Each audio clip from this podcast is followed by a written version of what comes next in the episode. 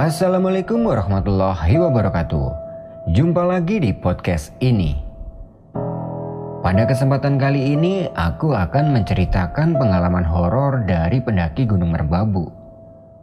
Di mana waktu itu, dia ini sempat bertemu dengan satu pendaki wanita. Awalnya dia menganggap pendaki wanita itu adalah sama-sama pendaki. Tapi ternyata untuk cerita lebih lengkapnya silakan simak cerita ini sampai selesai.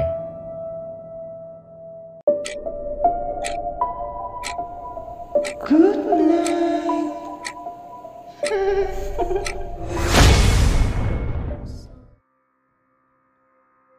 Kisah ini dialami oleh seseorang. Sebut saja dia adalah Harry. Berawal dari sebuah keinginan untuk mendaki gunung karena waktu itu Harry ada waktu senggang, dia menyempatkan dirinya untuk mendaki ke Gunung Merbabu yang berada di Jawa Tengah. Gunung ini sebelumnya sudah pernah didaki Harry satu kali bersama teman-temannya. Dan dua tahun setelah itu, Harry mengajak teman-temannya itu untuk mendaki ke Gunung Merbabu lagi. Tapi, temannya ini tidak bisa karena sebuah alasan. Akhirnya, Pendakian yang kedua kalinya ke Merbabu ini Harry berniat mendaki sendiri alias solo hiking. Awalnya Harry berpikir karena solo hiking sebelumnya belum pernah dia lakukan.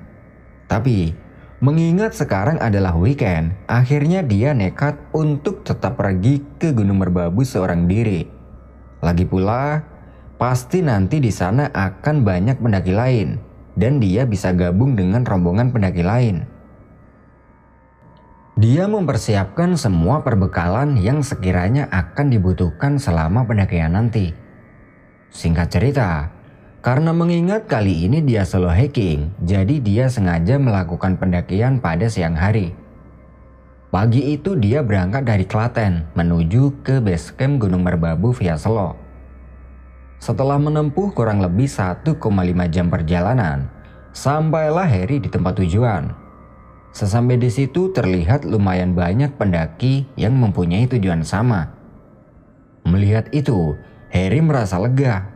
Ya setidaknya nanti dia ini tidak benar-benar solo hiking. Setelah meminta izin ke pos, dia berkenalan dengan satu rombongan dari Surabaya yang berjumlah 10 orang. Mereka ada enam cowok dan empat cewek. Di situ, dia ngobrol ke sana kemari dan akhirnya Harry gabung dengan mereka. Ya buat nambah-nambah teman juga. Setelah mengobrol panjang, sekitar jam 11 siang mereka mulai pendakiannya. Harry tidak ingat nama mereka satu persatu karena banyak. Yang dia ingat adalah Bagus selaku ketua rombongan dan Alika, seorang cewek yang menurut Harry ada manis-manisnya. Di perjalanan itu, Harry berjalan di paling belakang. Sambil berjalan, dia mengobrol dengan satu orang yang berjalan di depannya. Setelah menempuh kurang lebih tiga jam perjalanan, sampailah mereka di pos 1. Sesampai di situ mereka istirahat. Di pos 1 itu, terlihat ada beberapa pendaki yang juga sedang istirahat.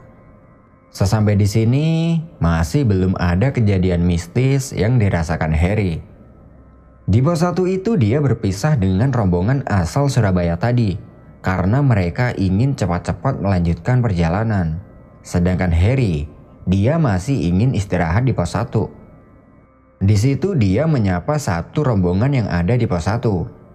Mereka merupakan rombongan asal Solo.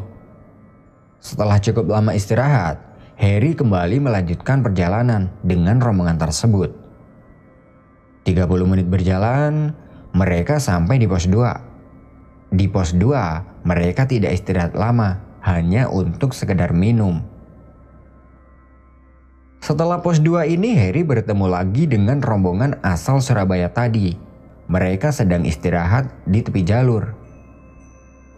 Harry kembali bergabung dengan rombongan itu dan singkat cerita, Harry dan rombongan itu sampai di Sabana 1 sekitar jam setengah 6 sore.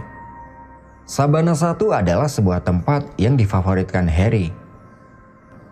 Di Sabana 1, rombongan asal Surabaya itu memutuskan untuk bermalam karena salah satu anggota ceweknya ada yang sudah amat kelelahan. Tapi Harry tetap melanjutkan perjalanan karena tujuannya Harry adalah bermalam di Sabana 2. Sekitar jam setengah tujuh malam, Harry melanjutkan perjalanannya menuju ke pos 3 seorang diri. Ya nggak sendiri juga sih, Soalnya waktu itu dia banyak bersimpangan dengan pendaki yang akan turun. Singkat cerita, sampailah dia di pos 3 pada jam setengah delapan malam. Di pos 3 Harry tidak istirahat lama karena mengingat jarak dari pos 3 menuju ke Sabana 2 itu tidak terlalu jauh. Setelah kurang lebih 5 menit istirahat, dia berjalan lagi dan sampailah dia di Sabana 2. Di Sabana 2, Terlihat banyak tenda pendaki yang sudah didirikan. Harry mencari tempat untuk dia mendirikan tenda juga.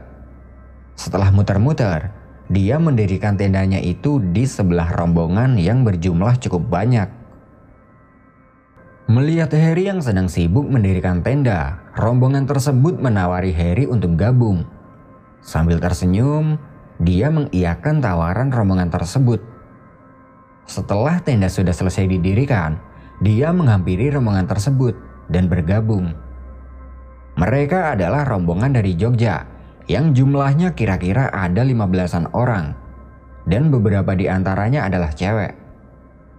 Malam itu, mereka nongkrong di dekat api unggun yang dibuat pendaki tersebut sambil bercanda-bercanda dan ngopi-ngopi. Karena malam semakin larut dan udara juga semakin dingin, satu persatu dari mereka masuk ke dalam tendanya masing-masing untuk tidur. Di luar itu tinggal tiga orang termasuk Harry yang masih sibuk dengan kopinya dan ngobrol-ngobrol. Dua pendaki dari rombongan itu bernama Saiful dan Halim.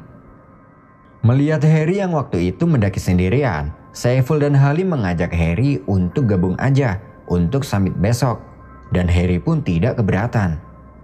Kemudian mereka bertiga masuk ke tendanya masing-masing untuk istirahat. Nah, sekitar jam satu dini hari, Harry ini terbangun karena dia kebelet pipis. Sambil menahan udara yang dingin, dia keluar tenda untuk mencari tempat pipis. Pas sudah di luar tenda, dia melihat ada satu pendaki cewek yang sedang duduk di dekat bekas bara api unggun.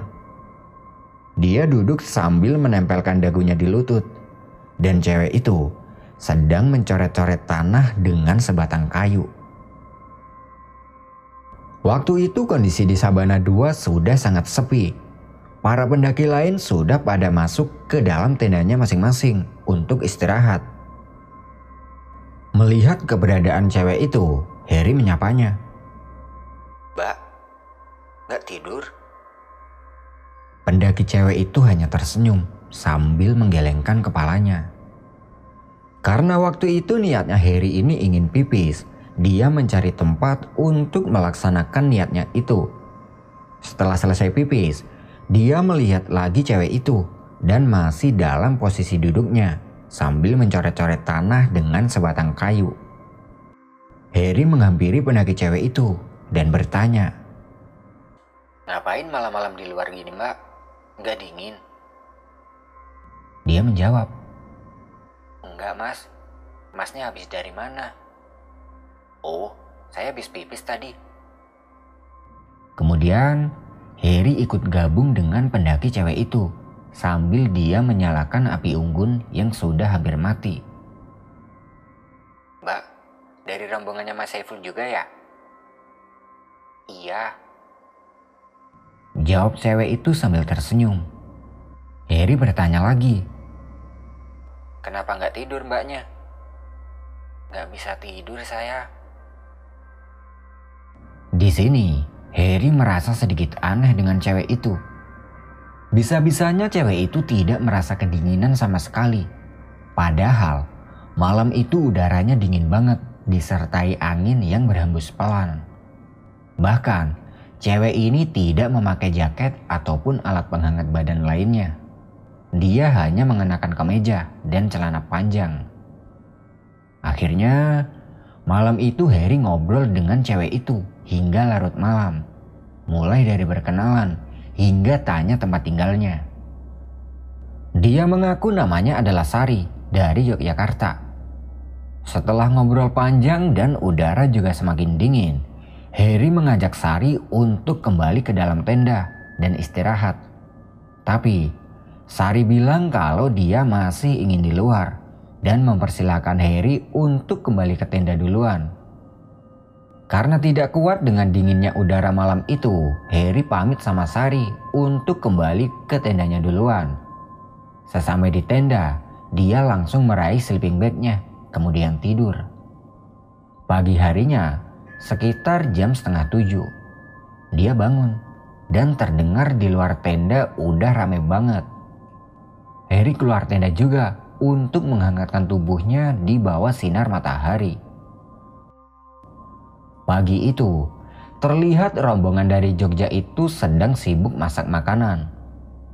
Nah, sambil berjemur itu, Harry melihat ke sana kemari untuk mencari Sari yang tadi malam ngobrol dengan dia. Tapi, pagi itu dia tidak melihatnya. Harry berpikir, mungkin si Sari ini masih tidur. Secara kan semalam dia tidurnya larut banget. Setelah cukup menghangatkan tubuh, dia bergabung dengan rombongan itu untuk masak-masak. Setelah selesai masak, mereka makan-makan. Dan sampai makan-makan itu Harry tidak melihat keberadaan Sari. Tidak lama kemudian, terlihat Saiful meminta satu temannya untuk mengantarkan makanan ke dalam tenda. Tanpa bertanya, Harry menyimpulkan sendiri. Mungkin si Sari ini masih di dalam tenda dan makanan itu sengaja diantar buat dia. Setelah selesai makan-makan, mereka bersiap-siap akan melanjutkan perjalanan summit ke puncak. Waktu itu, Harry membawa kamera digital. Karena waktu itu pemandangan di Sabana 2 ini sungguh luar biasa indah. Dia motret-motret pemandangan dan dia menggantungkan kameranya itu di lehernya dengan tujuan agar dia bisa mengabadikan momennya sambil jalan summit. Harry jalan rame-rame dengan rombongan asal Jogja itu. Sambil berjalan, Harry motret-motret nih, hingga tidak terasa dia tertinggal lumayan jauh dengan rombongan itu.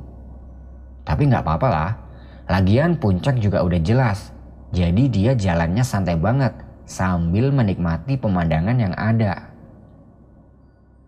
Ketika sedang asik-asik motret itu, dari kejauhan Harry melihat Sari sedang duduk di sebelah jalur pendakian.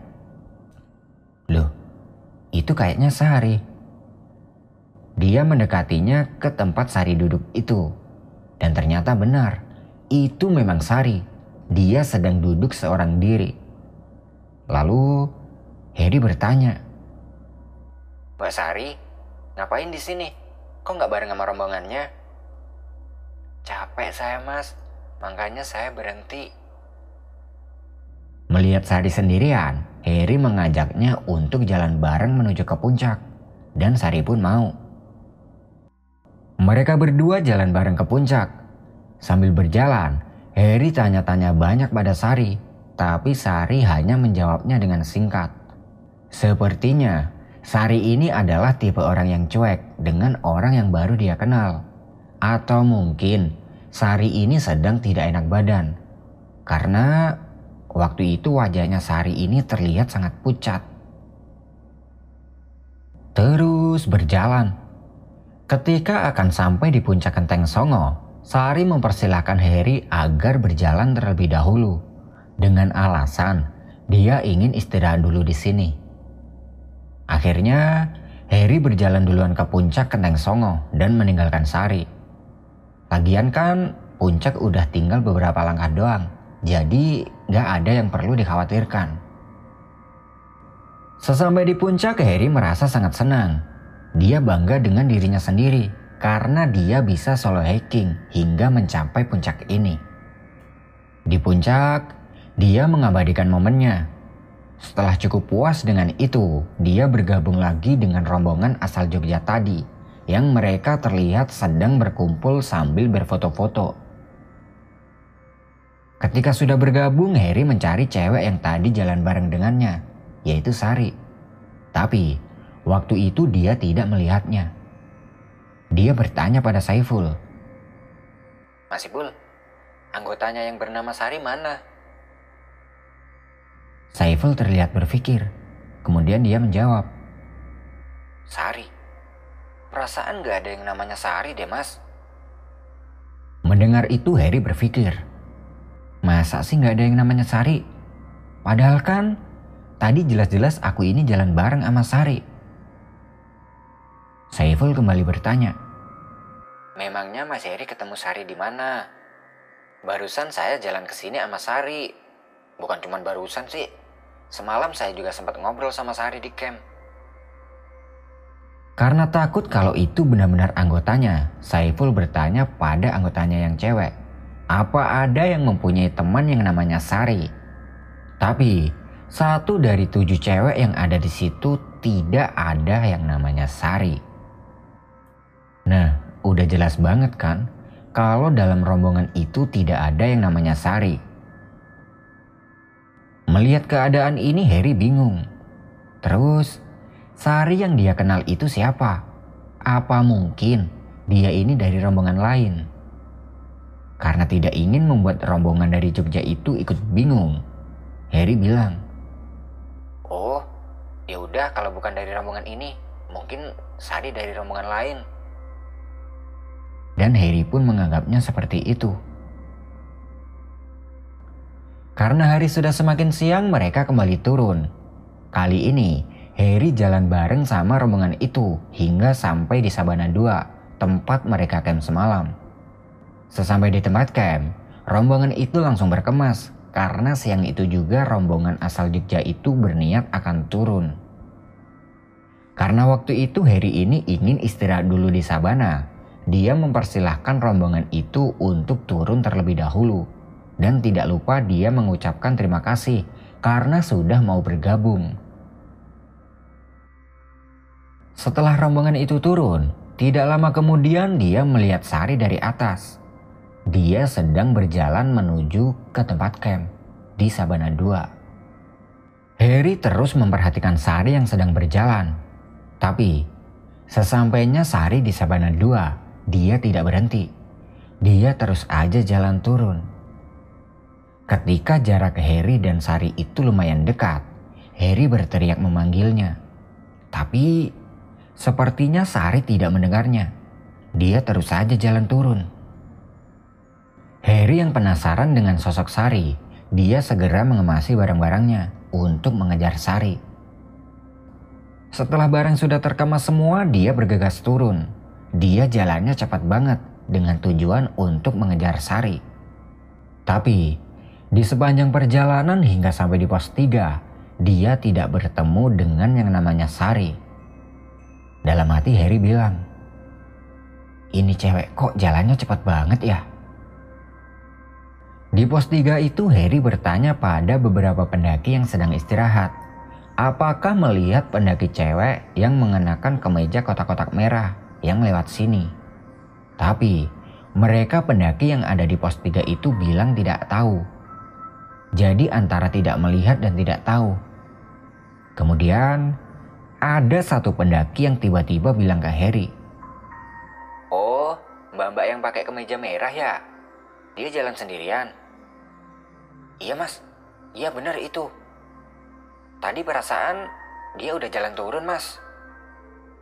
Jawab pendaki itu. Mendengar itu, Harry bergegas melanjutkan perjalanan turun dan tidak lupa mengucapkan terima kasih pada pendaki yang ada di situ. Tapi Sampai hari ini tiba di Sabana 1, dia tidak juga melihat keberadaan Sari. Karena tidak juga melihat Sari, akhirnya ya sudahlah, biarkan saja. Dia membuang rasa penasarannya terhadap Sari dan kembali berjalan turun seperti biasa. Dia jalan sambil menikmati perjalanannya ini. Dan ketika Harry berjalan antara Sabana 1 menuju ke pos 2, dari kejauhan dia melihat pendaki cewek yang memakai kemeja kotak-kotak merah. Yang tidak lain itu adalah Sari. Karena dari ciri-cirinya, Harry masih ingat betul. Harry mempercepat jalannya untuk mengejar Sari. Tapi dia kehilangan jejak tepatnya di sebuah tikungan di jalur menuju ke pos 2 itu. Jadi setelah melewati sebuah tikungan, tiba-tiba Sari sudah tidak terlihat lagi. Di sini, Harry sudah menaruh rasa curiga terhadap Sari. Apa jangan-jangan Sari itu bukan manusia? Tapi entahlah, Harry membuang pikiran negatifnya itu dan mempercepat jalannya turun. Sesampainya di pos 1, dia bertemu lagi dengan pendaki asal Jogja tadi. Mereka sedang istirahat di situ. Harry langsung menghampiri mereka dan bergabung lagi sambil matanya memperhatikan setiap cewek yang ada di pos satu itu. Siapa tahu di sini dia bertemu dengan Sari. Tapi alhasil dia tetap saja tidak melihat adanya Sari di pos satu. Akhirnya ya sudahlah, berarti fix bahwa cewek yang bernama Sari itu memang bukan manusia. Entah itu jin atau setan yang memang sengaja menyerupai pendaki. Dan untungnya dia tidak ada niat jelek pada Harry. Mulai dari pos 1 itu Harry berjalan bareng dengan rombongan asal Jogja tadi hingga sampai kembali di base camp dengan selamat. Sesampai di base camp, dia bersih-bersih badan, kemudian berpisah dengan rombongan asal Jogja itu, terutama pada Saiful selaku ketua rombongan tersebut. Nah, itu tadi adalah pengalaman mistis yang dialami oleh Harry ketika dia melakukan pendakian solo hiking ke Gunung Merbabu. Terima kasih buat teman-teman yang sudah mendengarkan cerita ini sampai selesai. Aku pamit undur diri dulu ya. Good night and see you next time.